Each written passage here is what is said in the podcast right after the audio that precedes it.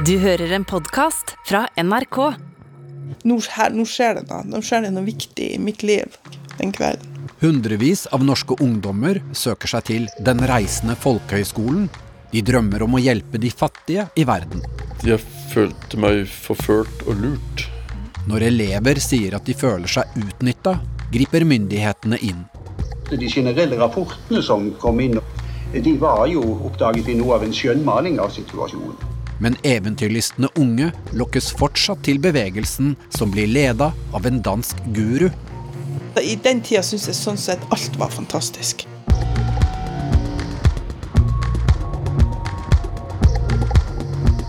Dette er Sekten som ville redde verden av Kaja Frøysa.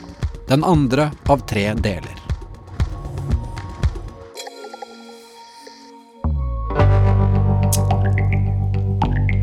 Altså, jeg hadde, hadde sett eh, et lite klipp på TV med de her ungdommene som reiste i buss til Asia. Og da jeg så det, så tenkte jeg det der har jeg lyst til å prøve.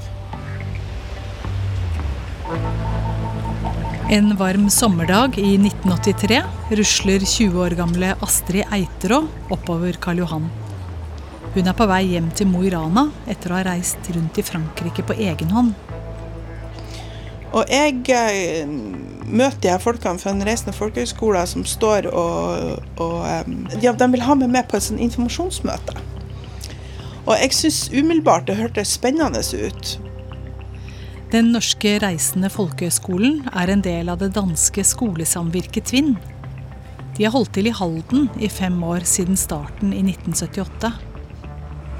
Og informasjonsmøtet skal være samme dag. Det var jo et fantastisk møte. Det var veldig overbevisende. Skolen har blitt veldig populær i Norge. Samtidig begynner det å komme ut historier fra tidligere elever. De forteller om tvang, psykisk terror og gruppepress. Tvinnbevegelsens øverste leder har gått under jorda. Men dette er det ingen som snakker om på informasjonsmøtet Astrid deltar på denne kvelden. Hun får i stedet høre om en planlagt busstur til Pakistan og India, gjennom bl.a. Tyrkia og Iran. De viste jo bilder fra turer og snakka mye om fellesskap. Fellesskapet er nøkkelordet for Astrid. Det snakka jo rett inn i det som den der følelsen jeg hadde av å være litt alene i livet akkurat da. Hun vil ut og reise, men hun vil ikke reise alene. Jeg vokste jo opp her på Eitrå, som er en liten gård i uh, Nord-Norge. Det var andre unger, men det var veldig få som hadde samme alder som meg, så jeg var veldig mye alene. Det her med å, å være sammen i en flokk, det var en sånn lengsel jeg hadde i, i um, Så jeg eh, bestemte meg med det samme, at jeg skulle starte samme kvelden. Det er jo sånn noen ganger i livet man får sånn følelse av sånn gjennombrudd, eller her nå, her nå, skjer det noe. Nå skjer det noe viktig i mitt liv. Og det hadde jeg den kvelden. Noen få dager senere kommer det en fyr på besøk til familiegården utenfor Mo i Rana. De ville sende en person oppover hit for å snakke med foreldrene mine. Et av temaene for møtet hjemme hos foreldrene er hvordan Astrid skal betale for oppholdet. Jeg hadde spara litt penger i hop. Så jeg hadde penger til å betale den første kursavgifta.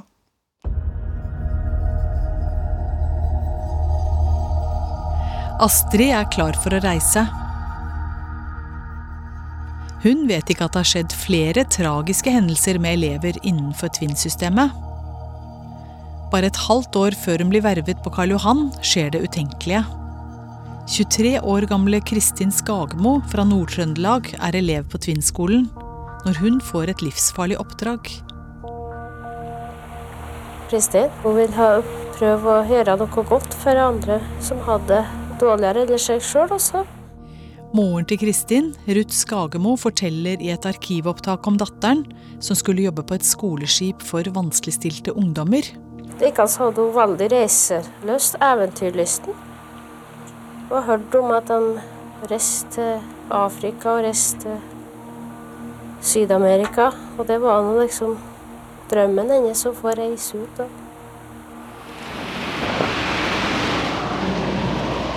Den 1. februar 1983 er det varslet full storm i Nordsjøen. Denne dagen er Twins skoleskip aktiv på vei ut den engelske kanal med kurs mot Danmark. Seilskuta er i dårlig forfatning. Den trekker inn vann som må pumpes allerede før avreise. Kristin og sju andre unge Tvinn-medlemmer er om bord. De har på seg noen gamle redningsvester av kork.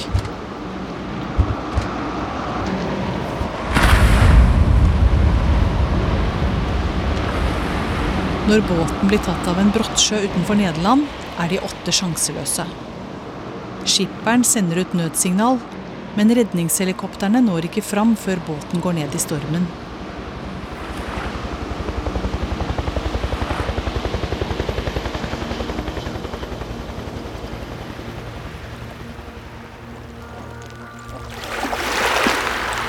Etter én uke blir Kristin funnet ilanddrevet på ei øy utenfor Nederland.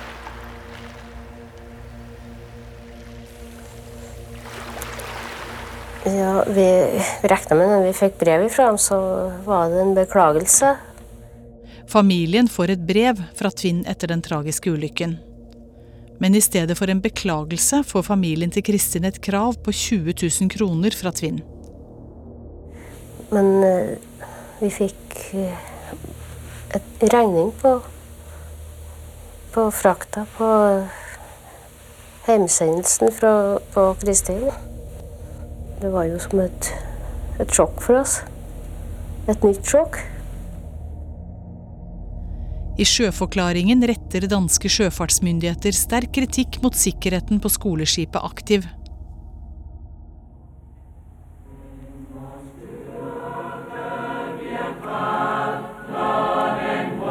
To Twin-ledere kommer i begravelsen til Kristin. Sang de en sang for oss, og comp song.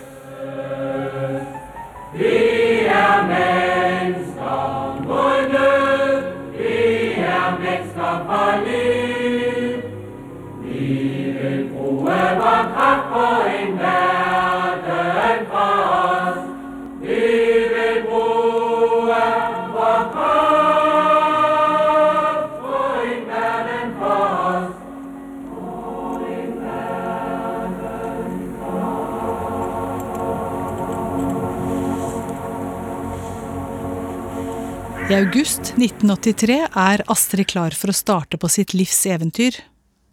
Hun reiser nedover til Halden full av forventninger. Det var tre sånn bussgrupper. Den ene gruppa het Haukene, og så var det Spurvene. Jeg var i Spurvene, og så var det Kråkene. Og vi hadde en lærer i hver gruppe, da. Jeg hadde klart, jeg ble jo selvfølgelig kom jo med i den gruppa som skulle reparere buss. Det, det måtte jeg jo ha. Twins tankegang er at alle skal gjøre alt. Men det å rent faktisk skulle reparere en buss, det var ganske skremmende for meg. Selv om mange av elevene aldri har vært i et bilverksted før, skal de selv skru og reparere på de gamle bussene før de skal ut og kjøre på veien. Noe av det som Tvinn gjorde, og noe av det som, som jeg lærte på Reisende folkehøgskole, det var jo en reell likhet mellom menn og kvinner. Altså, jeg har aldri blitt noen stor mekaniker, men jeg har liksom sprengt grensen for min egen forståelse av hva jeg kan gjøre. På den norske Twin-skolen gjelder mange av de samme reglene som i Danmark. Gutter og jenter skal se like ut. Så da går det som det må med de jentene som har langt hår. Vi var en del jenter som hadde langt, lyst hår. Den norske rektoren på skolen klipper av det lange håret på jentene. Han sa til ei, skal ikke jeg klippe håret ditt? Og så gjorde han det. Han klippet meg òg. Um, så det ble en sånn her greie med at jentene skulle ha kort hår, og vi skulle ikke være feminine og Jeg syns kanskje akkurat det ble klippet, at det var en sånn frihetsfølelse. altså Nå behøvde jeg ikke å være pen. og Vi har sånn her revolusjonær frisyre. I starten av semesteret er det klart for første tur med den gamle bussen. De skal til London og kjører ned til Calais i Frankrike. Der skal de ta fergen over til England. For å slippe å betale billett må de ut av bussen. Vi skulle haike med lastebiler.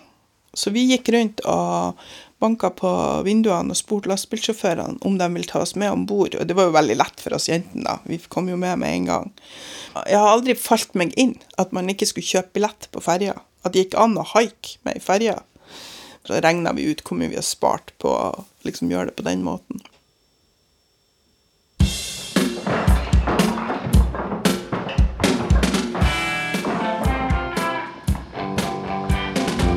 Når de 30 elevene kommer tilbake til Norge, flytter alle inn i en fraflyttet bygård i Oslo sentrum som skal rives. Det var jo veldig dårlig stand og rotter på kjøkkenet og sånn der. Men der bodde vi, så de bussgruppene hadde hver sin etasje. Som vi bodde i, så var vi ute og skaffa oss jobb. Nå skal de jobbe for å tjene penger til den store Asiareisen. Fikk være med og um, lese en, en bananbåt. Det med at vi skulle jobbe mye hele tida, det, det kom vi veldig fort inn i det her med at det var masse å gjøre. Jeg jobba på samlebåndet på Freia sjokoladefabrikk. Men elevene tjener ikke nok, så nå blir de bedt om å jobbe enda mer for å få inn mer penger. Og så tok vi sånn her dobbeltskift på Freia, så jeg jobba faktisk 16 timer på, på samlebånd. Det er ganske hardt, det. Det er jo ikke å anbefale at man holder på med det i årevis, men uh, Selv ser de aldri noe til pengene de tjener. I Tvinn er det fellesøkonomi, så lønna deres går direkte inn på Tvinns egen konto, stiftelsen Felleseie. ja. På det tidspunktet syns jeg ikke det var noe problem i det hele tatt. I den tida syns jeg sånn sett alt var fantastisk.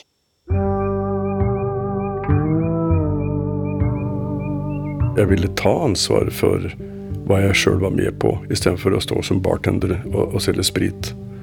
Og se folk bli fulle. Og det ga ikke mening lenger.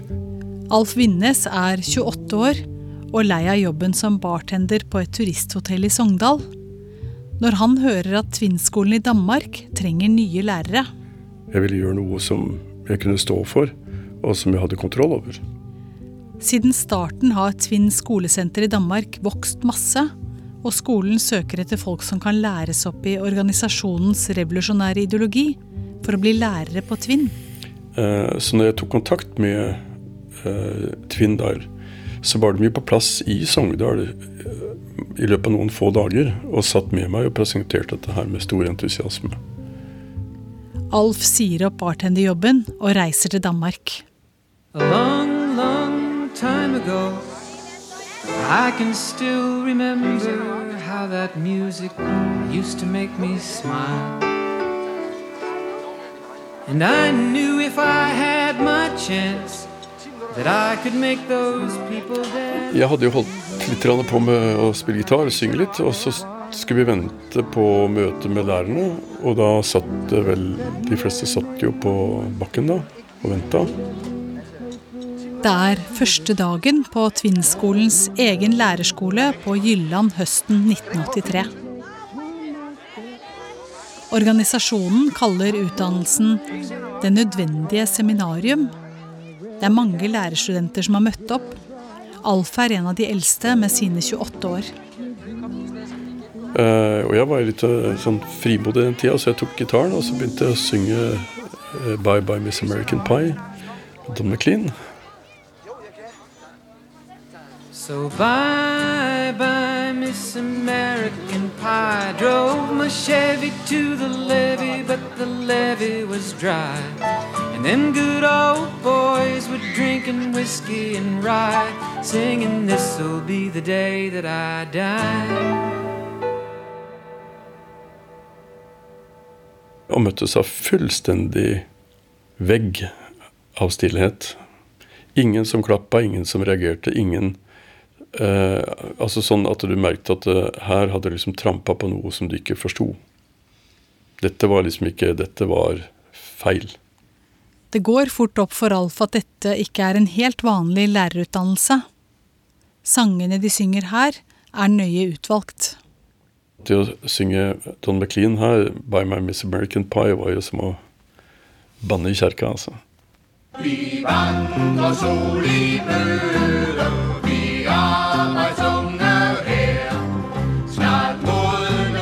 Vi skulle synge veldig mye kommunistiske sanger.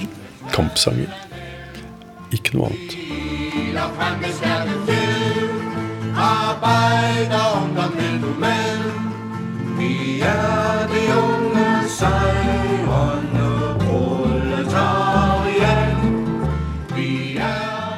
Alfa har satt inn hele studielånet sitt på en felles konto som alle studentene skal gjøre når de begynner på skolen.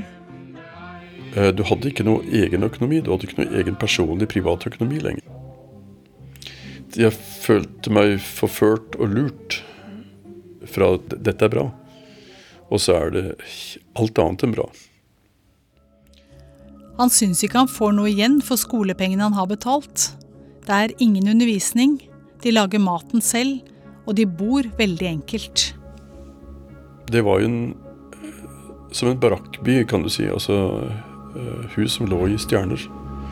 Med lyden av vindmølla som hele, tida, altså var der. Voff, voff.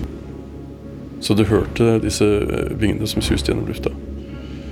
Og veldig nedtona. Altså, vi snakker ikke gardiner eller duker eller eh, Det var liksom ikke Det var veldig eh, eh, stramt, kan man si. Veldig enkelt. Alf har lyst til å slutte, men han har betalt inn hele studielånet, og semesteret er i gang. Og du har tatt opp studielån, og du har gitt fra deg pengene, og så skal du bare stikke derifra. Tomhendt. Det nødvendige seminarium skiller seg ut på flere måter. Studentene skal studere på egen hånd. Det var ingen undervisning. Eh, vi skulle ta fram det materialet vi skulle fordype oss i. Men det vi også fant ut, at eh, den litteraturen vi hadde å, å gå til, den var jo veldig vinkla. Så om vi ville ha andre kilder, så, så var det vanskelig å få tak i det. På biblioteket på Tvinn finner Alf bl.a. litteratur som hyller det brutale regimet til diktatoren Pol Pot i Kambodsja. Og det fantes jo litteratur om Pol Pot som, ble, som var idealisert om hans revolusjon. Pol Pot var leder for den revolusjonære og kommunistiske bevegelsen Røde Khmer, som styrte det asiatiske landet med jernhånd på 70-tallet. Nesten to millioner mennesker mistet livet under Pol Pots skrekkregime i årene fra 1975 til 79. De ble henrettet, de døde under tvangsarbeid, og de ble sultet i hjel. Det hele satt i system av Pol Pot og hans folk. Men når disse første rapportene kom fra, fra franske journalister om massakrene, så blei det fornekta fullstendig. Når Alf konfronterer lærerne med hva Pol Pot faktisk sto for, blir han møtt med en voldsom reaksjon. Som sto og, skrek på meg. At eh, hvor ville jeg med det her? I tillegg til Pol Pot er også mye av Twins tankegods hentet fra Kinas Mao og kulturrevolusjonen, da gamle tradisjoner og kultur skulle bort for å skape et nytt kommunistisk samfunn. Lærerne stort sett var kledd på samme vis. Blå øh, ja, jakker som du kan se i Kina eller i Altså øh, veldig enkelt spartansk kledd. Og det som sas veldig ofte også, vi skal bryte råttent ned for å bygge nytt. Det var liksom det som var drivkraften. Alf henger med på Tvinns lærerskole Det nødvendige seminarium noen måneder til. Men så blir han mer og mer kritisk. Alt er organisert som den kinesiske revolusjonen. Og du har én leder, som heter Amdi Pedersen. Han som er landsfaderen på noe vis. Som har den indre gruppen øh, nær innpå seg. Som tar de absolutte besluttene. Og så er det lærergruppen som skal utføre dem. Og som også skal hente inn all informasjon om hvem som er medgångere og motgångere. Han bestemmer seg for å hoppe av og flytter tilbake til Norge. I Halden, der den reisende folkehøgskolen holder til, møter han noen unge menn fra Zimbabwe. Og da gikk jeg bort til dem og spurte om de eh, var var på den reisende folkehøgskolen. Det bekrefta de. Og da snakka jeg helt åpent med dem at jeg kom fra Tvinn, hva vi hadde vært med om. Alf forteller hva han selv har opplevd på Tvinn i Danmark. Og de, de våkna til ordentlig. Det viser seg at 20 tidligere geriljasoldater har kommet fra Zimbabwe til Norge for å ta landbruksutdannelse. Det er Den reisende folkehøgskolen og U-landshjelp fra folk til folk, UFF, som står for opplæringen. Men i stedet for undervisning forteller de at de har blitt sendt ut på gata for å selge kalendere og postkort til inntekt for UFF. Twins talsmann Pål Jørgensen blir intervjuet av dansk TV om saken. Det er jo sånn at inntekten ved å selge kalendere går til UFF. Eller rettere sagt overskudd ved å selge kalendere går til UFF. Han forklarer at i tillegg til å tjene penger til inntekt for UFF, skal også studentene selge kalendere for å lære å bli gode solidaritetsarbeidere. I don't need to sell calendars. That's not my point. That's not why I'm here. En av de tidligere geriljasoldatene blir også intervjuet. Som fortalte at de hadde sittet på eh, bilskrot og gravd fram dieselmaskiner for å lære seg hvordan en dieselmaskin eh, funka. Soldatene forteller at de har betalt hele krigspensjonen sin på 40 000 kroner for å få denne utdannelsen. Og at de ikke fikk med seg landbruksmekanisk utdanning. Og de hadde altså brukt av de pengene de hadde fått som grilla soldater, til å ta utdanning ut, i utlandet. Men følte seg fullstendig lurt. Og da fortalte jeg hvor jeg bodde, og at de var velkommen hjem. Rektor på skolen i Halden, Øyvind Wistrøm, merker at det er noe som er i ferd med å skje med elevene fra Zimbabwe. Vi merket jo at de ble invitert hjem til eh, folk i Halden, og det syns jo vi var veldig positivt. Veldig bra. At Halden begynte å bry seg og liksom engasjere seg. I starten er det kjærkomment for skolen at lokalbefolkningen bryr seg, for det er lite penger til noe ekstra for studentene. Og de blir invitert hjem til folk i Halden og blir lovet gull og grønne skoger og få klær og klokker og alt sånt noe. Så tenker de at ja, men det er mye bedre framtid med å gå sammen med dem. Alf er engasjert, men hans mål er å hjelpe mennene fra Zimbabwe bort fra skolen. Og da begynte det å vokse fram at vi, vi, vi må redde de her folka. Og så la vi opp en plan. Alf skaffer folk og biler og hjelper mennene med å flykte fra skolen midt på natten. Så vi radde opp de bilene vi behøvde utafor, og så var det av gårde.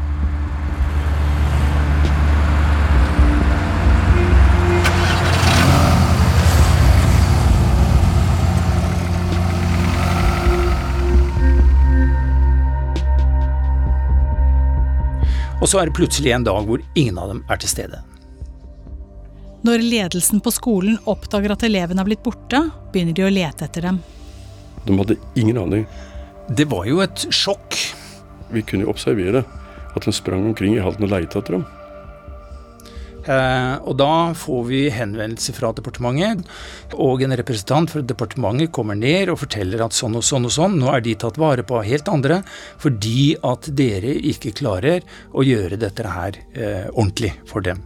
De er blitt lurt i forhold til hva de skal gjøre, eh, og det kunne ikke jeg forstå. Rektor Øyvind Wistrøm er rådløs. Åssen i all verden skal vi takle det? Fordi at departementet var jo imot oss, ikke med oss, i forhold til å løse hele den saken her sånn. I og med at departementet var eh, alliert i en eller annen grad med de eh, folka i gruppa i Halden som, som sto bak dette her sånn. Lokalsamfunnet i Halden stiller opp med mat og overnatting. Vi fikk hjelp i byen også, til å skaffe mat. Norske myndigheter er også engasjert, etter å ha fått mange varsler om at ting ikke er helt som de burde være. En gikk rett og slett på den pedagogiske kvaliteten. Jens Øen fra Undervisningsdepartementet. De rekrutterte lærere som ofte manglet eh, pedagogiske og faglige kvaliteter. Den norske reisende folkehøgskolen mister nå statsstøtten.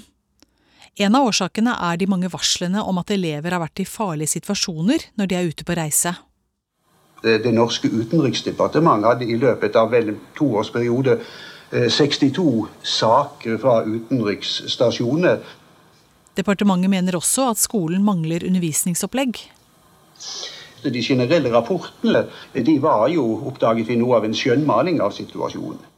Det at skolen mister den økonomiske støtten fra staten, betyr at elevene må jobbe enda mer. Så en del av programmet det første halvåret var at vi skulle jobbe i Oslo og tjene penger til vårt eget kurs, da. Så det var jo greit. Det var jeg jo innforstått med. Ledelsen gjør en liten endring i navnet til Den reisende høyskolen, og fortsetter som før, uten statsstøtte. Men for 20 år gamle Astrid Eiterå spiller dette ingen rolle. Er opptatt av den tredje verden og opptatt av Operasjon Dagsverk. og Denne skolen har alt hun ønsker seg.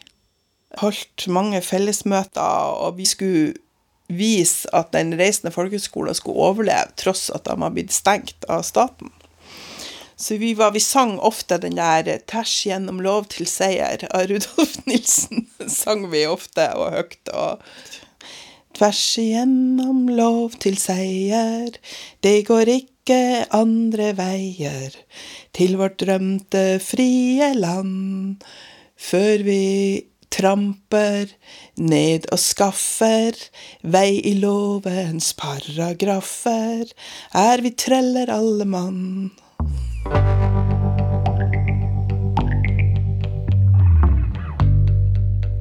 Etter fire måneder med jobbing på samlebånd i Oslo skal gruppen til Astrid endelig reise til India. De kjører den ombygde rutebussen gjennom Øst-Europa til Tyrkia. Oppå taket så hadde vi sånn her oljetønne, fordi at eh, det var så billig diesel i eh, Iran. Så når vi kom til Iran, så fylte vi opp de der oljetønnene. Og så hadde vi nesten gratis diesel hele veien til India. Så det var jo smart. Noen ganger går det galt, og elevene, som selv er sjåfører og mekanikere på reisen, må fram med verktøykassa. Jeg lå under en buss i Iran. Det var et sånn her ørkenaktig landskap. Han var punktert. Og jeg lå med jekk, og så skulle jeg klosse opp denne bussen, for jeg skulle skifte her dekket. Og så sto det sånn tre-fire mannfolk og kikka på meg, sånne iranere. Og så kom det krypende en under bussen til meg, og så skal ikke jeg hjelpe deg. Og det var jo veldig bra, fordi det var både med jekk og med klosser og alt det der. og sånn. Men så begynte han å ligge og ta på meg. Så skulle jeg på den ene sida ligge og holde på alt det jeg skulle holde på, og så skulle jeg sparke han ut, liksom, den fyren. Da følte jeg meg litt tøff. På vei hjem kommer de til det kommunistiske Albania, der de skal på studietur. Eh, og det var veldig vanskelig å komme inn i Albania på det tidspunktet. Det var veldig få turister. Så vi var blitt invitert til å komme. Landet er styrt av diktatoren Enver Hoxha, som har sittet ved makten i over 40 år.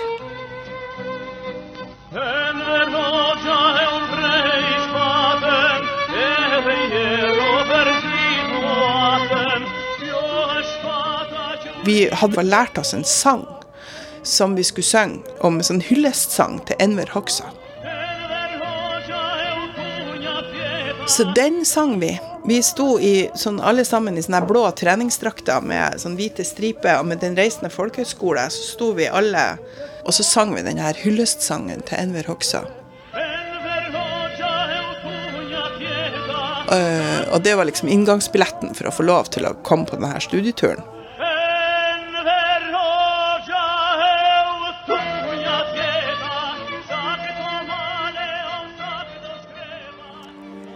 I Norge er rektor Øyvind Wistrøm på utkikk etter nye lokaler når han kommer over Hornsjø høyfjellshotell. Hotellet ligger øde til oppå fjellet mellom Østerdalen og Gudbrandsdalen. For da kunne vi gjøre det på den måten at deltakerne på skolen kunne jo øh, faktisk jobbe på hotellet. Fordi at da var problemet vårt, det var jo husleie, og det var lærerlønninger. Vi var jo inne i det med felles økonomi. Og det betyr vi hadde en sparekasse. Samtidig så kommer da den danske stiftelsen Felleseie med en garanti. En av de første elevene på Hornsjø er Jim Wold. Han blir intervjuet av NRK om oppholdet. Eh, dere jobba som, som slaver? Ja, vi jobba fra, si fra åtte om morgenen til elleve om kvelden. Sju dager i uken. da. Og være til, disponibel til dem eh, hele døgnet rundt. Rektor Øyvind Wistrøm. Vi var jo idealister, eh, og vi starta jo på scratch, fordi hotellet var jo et spøkelseshotell og hadde dårlig rykte. Um, så vi stengte av deler av hotellet, konsentrerte oss om det andre. Og så gjorde vi dette på en amatørmåte som gjorde at folk ble fascinert. Foreldrene blir invitert til Hornsjø helt i starten av skoleåret. Solveig Wold forteller til NRK om da hun fikk besøke sønnen Jim på det nedslitte hotellet. Da hadde de en eh, sånn fest oppå der, familiefest. Og når vi kom opp på rommet der, så kom en Jim og fortalte at han hadde sovet tre timer på fem døgn. De drev og malte Hornsjø, og han sovna i senga. Og vi gikk ned, og Jim han sov. Så kom sjefene og spurte hvor han var hen. Nei, Så sier jeg han har vel sovet litt for lite, seg, så jeg lot han bare sove. Nei, de skulle opp og hente han, og de kom dragende med han. Så da var de på tur og brøt han ned. Du så jo alt dette fra utsiden, hvordan han ble trukket mer og mer inn i den bevegelsen. Hvordan, hvordan var det å se på Det var grusomt å ha en sønn som en visst var hjernemanipulert og jobba sånn som han gjorde. Men du, du bruker hjernemanipulert. altså, eh, Ja. Hvordan så du på en måte at, eh, at Jim forandra seg? Det gjorde han ganske fort. Jeg hører det der sånn, og eh, vi Jeg vet ikke helt hva jeg skal si til det, fordi liksom Jeg hører det nå. Vi hørte ikke det da. Men derimot at noen, eh, inklusivt oss og meg, var slitne i perioder, ja, det var vi. I 1984 er det full drift på Hornsjø høyfjellshotell. Monica Aanonli er elev på dette kullet. Det var jo episoder med temperament og diskusjoner og krangling. og Egentlig så skjønner ikke jeg hvordan de klarte å drive så beskytta at ikke det noe lekka fram. Jeg lurer på hvor mange de tenkte hotellgjestene som var der. Tenkte dem. Så de ingenting?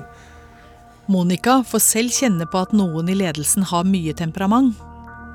For å få fred finner hun steder å gjemme seg på hotellet. Jeg husker at jeg hadde et rom, et madrassrom som jeg hadde funnet på hotellet, som jeg brukte å gjemme meg helt innerst. For der fant de meg ikke. En morgen nekter hun å stå opp. Hun vil være alene. Og jeg sier jeg kommer ikke, jeg står ikke opp. Jeg er ikke for Jeg begynte å få hjemlengsel. Jeg var så sliten. Monica er veldig knyttet til bestemoren og bestefaren sin. Jeg snakker med beste- bestefar hver uke. Ringte dem hver uke. Hver søndag.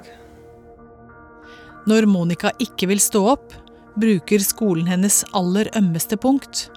To lærere kommer til rommet hennes og roper over henne at hun må stå opp. Nå står du opp, og du må komme nå, for bestemor er, er i telefonen og sier at hun er død. De tuller med henne og sier at bestemoren er død, selv om det ikke er sant. Jeg skrek i timevis. Jeg brøt helt i hop.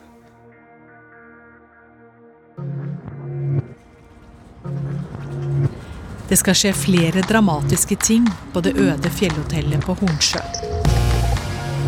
En 54 år gammel mann døde etter å ha blitt knivstukket på Hornsjø høyfjellshotell i Øyer i Oppland. En 23 år gammel mann fra Romania er siktet. Han er student ved Den reisende folkehøgskolen.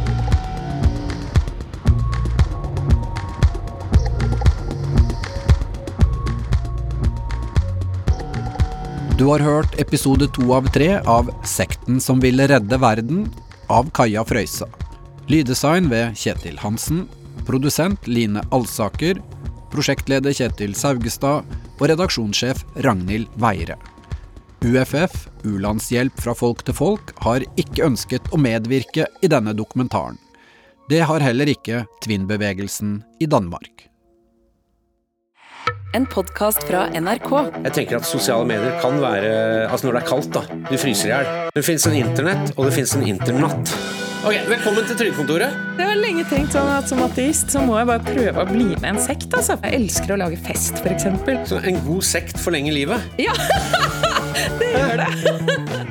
Altså, det der med at mennesker trenger sosial kontakt, det er bare piss.